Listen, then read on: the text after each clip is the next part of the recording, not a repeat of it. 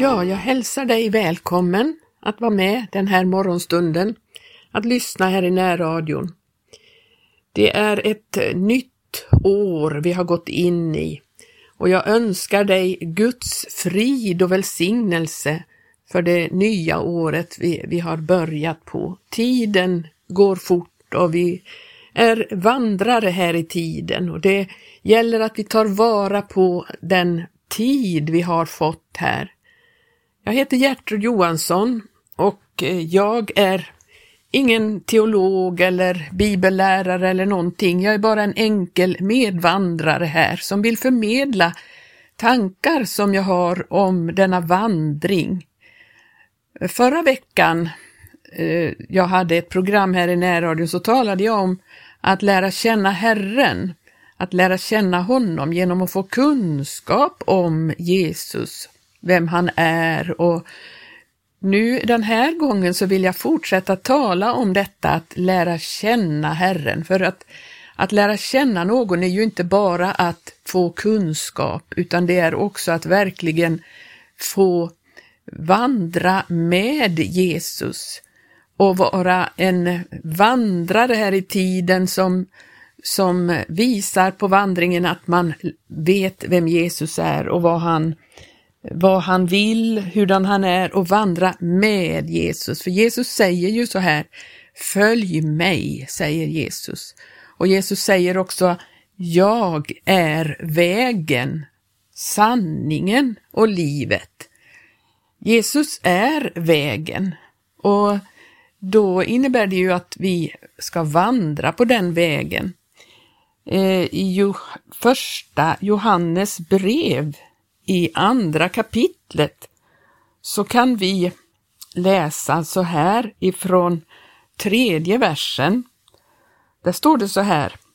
Därav vet vi att vi har lärt känna honom, därav att vi håller hans bud. Den som säger sig ha lärt känna honom och inte håller hans bud, han är en lögnare och i honom är icke sanningen. Men den som håller hans ord, i honom är förvisso Guds kärlek fullkomnad. Därav vet vi att vi är i honom. Den som säger sig förbli i honom, han är också pliktig att själv så vandrade, vandra som han vandrade. Ja, detta är ju ord som verkligen eh, visar någonting, för det handlar ju om att att man verkligen tar emot Jesus, inte bara i teorin, att man inte tar emot Jesus bara i att läsa om honom och få kunskap om honom, utan att också hans ord verkligen får, eh, får ingång i vårt, våra egna liv, att vi faktiskt bryr oss om vad det står i Guds ord. Det är ju så här att ordet måste eh, komma in i våra hjärtan och så måste det ta sig uttryck på något sätt, bära frukt i våra liv. Det är det som ordet är till för. Jesus säger ju jag är vägen, sanningen och livet. Och i början på Johannes evangelium så står det ju så här att ordet blev kött och tog sin boning ibland oss. Eh, vi, vi kan ju titta på det här med, med vad det innebär. För att eh, ordet, det är Jesus. Ordet är Jesus. Det står så här att eh, i det var liv och livet var människornas ljus och ljuset lyser i mörkret och mörkret har icke fått makt därmed. Jesu liv är en en uppenbarelse av ordet alltså. Och, och det är det det ska bli i våra liv också. Och då talar Jesus på ett sätt som människorna hade väldigt svårt att ta emot. I Johannes 6 så står det i 60 versen så står det så här.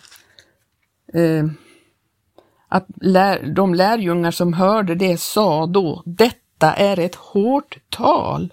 Vem står ut med att höra på honom? Vad var det han hade sagt som var så, så svårt att ta emot? Jo, han hade sagt så här att om ni inte äter Människosonens kött och dricker hans blod så har ni inte liv i er. Den som äter mitt kött och dricker mitt blod, han har evigt liv och jag ska låta honom uppstå på den yttersta dagen. Ty mitt kött är sannskyldig mat och mitt blod är sannskyldig dryck. Den som äter mitt kött och dricker mitt blod, han förbliver i mig och jag förblir i honom. Eh, så som Fadern, han som är det levande, har sänt mig och så som jag lever genom Fadern, så skall också den som äter mig leva genom mig. Så är det med det bröd som har kommit ner från himmelen. Det är inte så som de fäderna fick äta, vilka sen dog. Den som äter detta bröd, han ska leva till evig tid. Och detta sa han när han undervisade i synagogan i Kapernaum och det var då människorna sa så här, vem står ut med att höra honom? Och det låter ju väldigt märkligt de här orden, men då måste man fatta och förstå vad det betyder. Det här ordet handlar inte om brödsbrytelsen eller nattvarden, utan det här ordet handlar om att faktiskt hans ord får en sån ingång i mitt liv så att det blir också en, en att det ger uttryck i mitt liv, att jag tar faktiskt eh, eh, gestaltar det som Jesus säger. Han ger ju en undervisning och det är det som är hans kött. För att han sa, sa eh, ordet blev kött. Eh, ordet som han, han undervisar vi måste bry oss om de orden. Alltså faktum är att det finns väldigt många kristna, sorgligt nog måste man säga det, att det finns väldigt många kristna som kallar sig kristna och som, som menar sig verkligen vara kristna men som inte tar vara på allt Guds ord eller all undervisning som Jesus faktiskt ger. Och då, sorgligt nog, så är de eh, sådana som eh, Paulus skriver om, att jag måste säga under tårar att många vandrar såsom fiender till Kristi kors.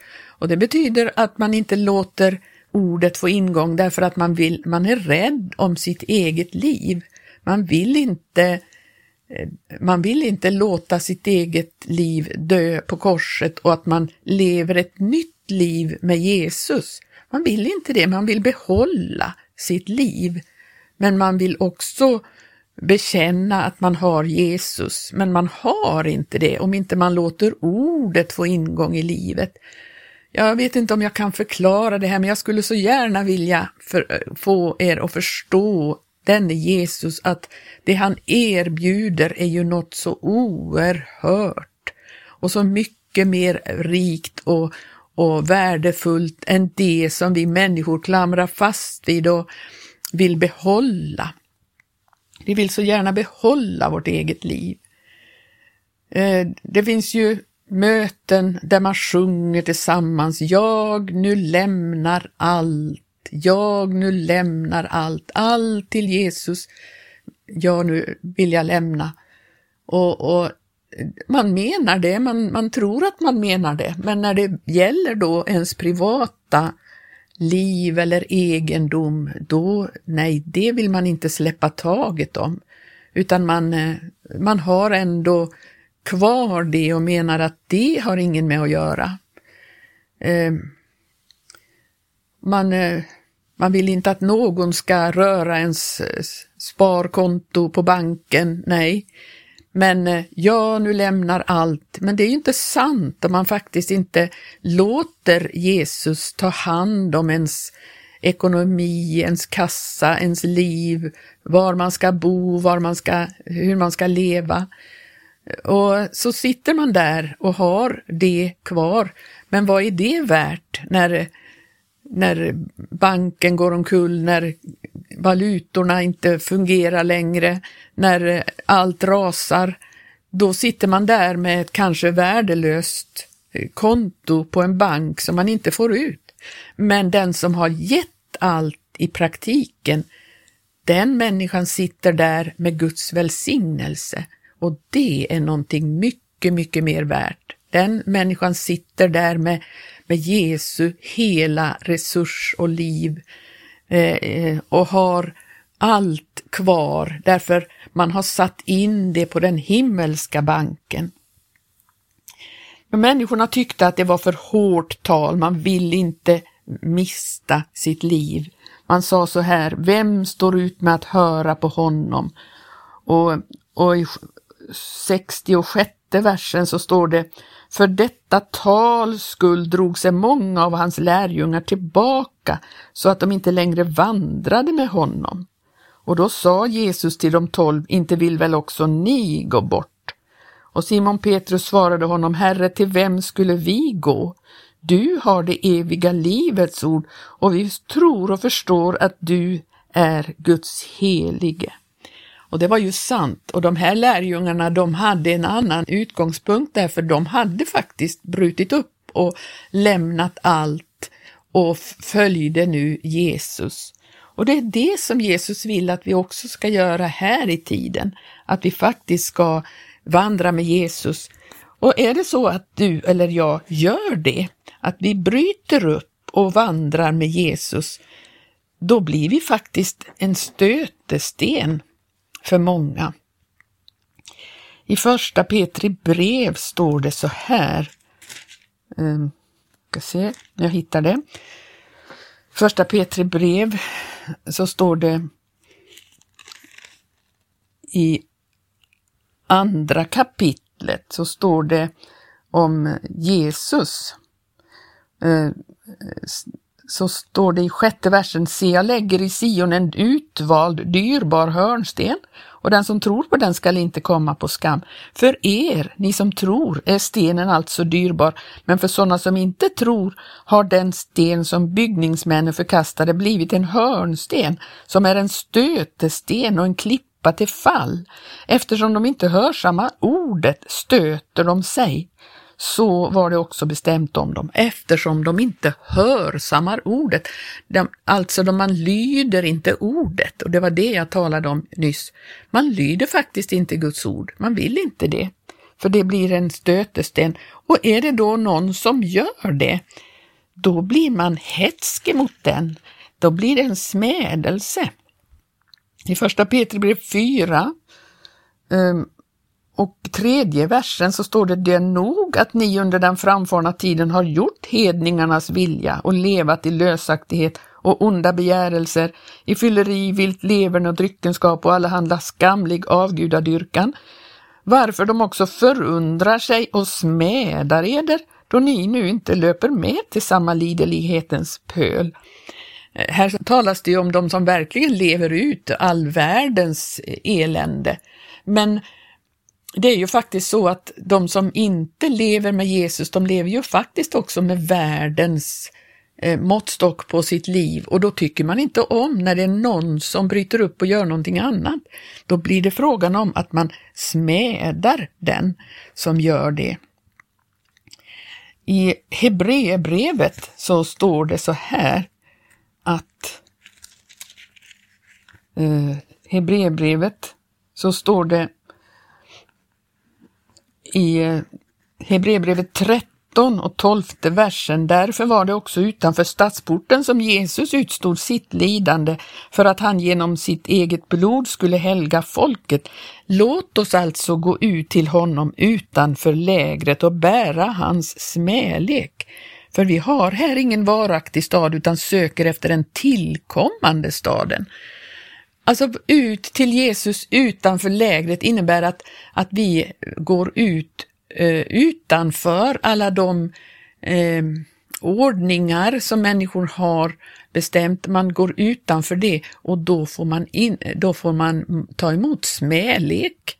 Därför att varför blir det smälek? Varför kan inte folk stå ut med det? Jo, därför att det blir faktiskt så att då lyser den människan som gör det går ut till Jesus och lever med honom lyser som ett ljus. Och ljuset avslöjar ju mörkret. Är det någon som lys, lyder Guds ord, då blir det ett ljus som avslöjar andras olydnad. Och det är obehagligt för dem. De tycker inte om det, de vill att alla ska vara likadana, det ska vara en grå, eh, grått eh, dis över allting så ingen ska se min olydnad. Det tycker man inte om och så blir det en smädelse. Man smädar helt enkelt de som gör det, försöker förlöjliga dem. Att de lever på ett onödigt, ehm, ja, man, man smädar dem och säger tror du att du är bättre än andra då och så vidare. Och så, och så försöker man förlöjliga det människor gör därför att man vill vara trogen det ord man lyssnar till. Lydnaden avslöjar olydnad och ljuset avslöjar ju mörkret. Det avslöjar vad som görs i mörkret. Och eh, brinnande kristna avslöjar de ljumma kristna. Därför brinnande kristna har en livsstil och eh, de ljumma kristna har en annan livsstil, vilket visar att man, Eh, ja det avslöjas att man inte är särskilt trogen Guds ord. Det finns mycket i Guds ord som människor eh, helt nonchalerar och menar att det är onödiga saker som står där och det är ingenting som vi behöver ta vara på och jag ska inte precisera nu men det, det kan ni själv tänka vad det skulle vara för någonting. Ni som läser Guds ord och faktiskt vet vad där står så finns det saker och ting i vår livsstil som vi verkligen måste pröva inför ordet och inför Jesu undervisning. Nej, vi ska vara ett folk som har vårt sinne vänt till det som är där ovan. I Kolosserbrevet står det det i i tredje kapitlet. Om ni alltså är uppståndna med Kristus, så sök det som är där ovan, där varest Kristus är och sitter på Guds högra sida. Jag har ert sinne vänt till det som är där ovan, inte till det som är på jorden. Ty ni har dött och ert liv är fördolt med Kristus i Gud. När Kristus, han som är vårt liv, blir uppenbarad, då ska ni också med honom bli uppenbarade i härlighet. Vi har ett annat liv som finns där ovan. Vårt liv är fördolt med Kristus i Gud och där, när han uppenbaras, då uppenbaras det också vad vi hade i honom. Vilket liv vi har i honom. Vi satsar på det evigt bestående istället för att satsa på den här världen och det som är, är förgängligt här i tiden det går under, men inte Jesu ord. Jesu ord förblir evinnerligen. Och vi, vi kan vandra som ljusets barn, står det i Efesierbrevet. Efesierbrevet 5. Så står det om eh, vad vi ska undvika för någonting och inte låta finnas ibland oss och då står det ha, alltså ingen del i sådant, står det i sjunde versen. Ni var ju förut mörker, men nu är ni ljus i Herren. Vandra då såsom ljusets barn. För ljusets frukt består i allt vad godhet och rättfärdighet och sanning är. Ja, vandra så i det att ni prövar vad som är välbehagligt för Herren. Ja, det, det, är den sortens vandring som du och jag ska göra. Jag ska lä läsa en, en eh, sång som vi har i Särlaräng, nummer 367. Där står det så här, jag vandrar med Jesus, han håller min hand, vart steg på min resa till himmelens land. Hans ömhet omger mig, han är mig så kär, i allt som mig möter, hans hjälp är mig när. Jag vandrar med Jesus, jag går där han går. Hans ord ger mig ledning och styrka jag får. Mitt allt har jag givit, jag vandrar bland dem som skådar i anden sitt himmelska hem. Om jag än får vandra i dödsskuggans dal, så tryggt han mig leder till himmelens sal. Snart får jag se staden så härlig och skön, det eviga livet, det har jag som lön. Snart kommer en morgon, snart dagen ska gry. Jag skådar gun på himmelens sky. Då samlas vi hemma vid lovsångens brus. för evigt i staden som strålar av ljus. Jag vill verkligen höra till dem som vandrar till himmelen, vandrar med Jesus här i tiden och inte vandrar med dem som går på den breda vägen som leder till fördärvet. Jag vill gå på den smala vägen som leder till livet. Därför att det är det som är frågan om att lära känna Jesus. Det är att vandra med Jesus. Och hans vandring, den ger mig glädje, en glädje som den här världen inte förstår sig på. Och jag hoppas att du skulle kunna lära känna Jesus på ett sådant sätt att inte du låter någon slags smälek eller prövning eh, avhålla dig från att vandra med Jesus. Det, det är bara det, den vandringen som är något värt här i tiden. Satsa ditt liv på Jesus.